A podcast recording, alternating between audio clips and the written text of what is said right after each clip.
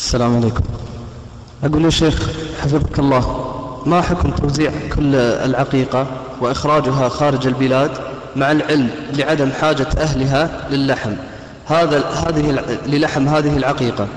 وباست- وباستطاعتهم أن يقيموا بدلها وحدة في الثانية يعني في في نفس البلد. نعم. آه، بالمناسبة لهذا السؤال أود أن أبين لل- للإخوة الحاضرين والسامعين أنه ليس المقصود من ذبح النسك سواء كان عقيقة أم هديا أم أضحية اللحم أو الانتفاع باللحم. الانتفاع باللحم يأتي أمرا ثانويا.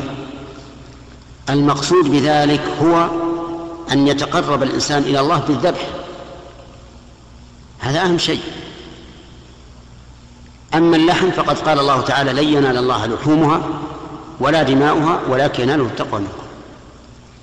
وإذا علمنا ذلك تبين لنا خطأ من يدفعون فلوسا ليضحى عنه في مكان آخر أو يعق عن أولادهم في مكان آخر. لأنه إذا إذا- إذا فعلوا ذلك فاتهم المهم بل فاتهم الأهم من هذه النسيكة وهو التقرب إلى الله بالذبح. وأنت لا تدري من يتولى ذبح هذه. قد يتولاها من لا يصلي. يتولاه من لا يصلي فلا تحل. قد يتل قد يتولاه من لا يسمي عليها فلا تحل. قد يعبث بها ولا يشترى إلا شيء إلا شيء لا تج- لا يجزي. فمن الخطأ جدا أن تصرف الدراهم لشراء الأضاحي أو العقائق في مكان آخر. نقول اذبحها أنت بيدك إن استطعت أو بوكيلك واشهد ذبحها حتى تشعر بالتقرب إلى الله سبحانه وتعالى بذبحها. وحتى تأكل منها لأنه لأنك مأمور بالأكل منها. قال الله تعالى فكلوا منها وأطعموا البائس الفقير. وقد أوجب كثير من العلماء على الإنسان أن يأكل من كل نسيكة ذبحها تقربا إلى الله كالهدايا والعقائق وغيرها. فهل ستأكل منها وهي في محل بعيد؟ لا. وإذا كنت تريد أن تنفع إخوانك في مكان بعيد فابعث بالدراهم إليهم ابعث بالثياب إليهم ابعث بالطعام إليهم.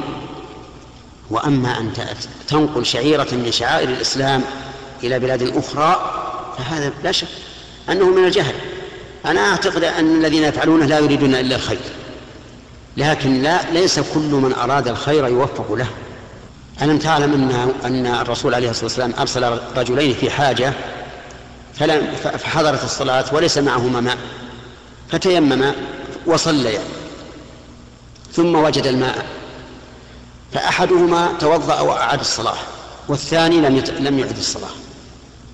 فقال للذي لم يعد الصلاة أصبت السنة. والذي أعاد الصلاة كان كان يريد الخير.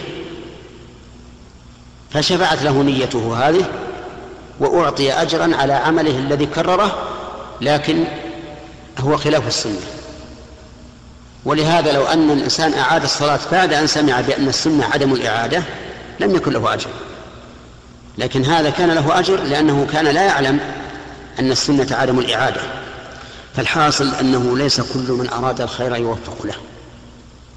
وأنا أخبرك وأرجو أن تخبر من يبلغه خبرك بأن هذا عمل خاطئ ليس بصواب.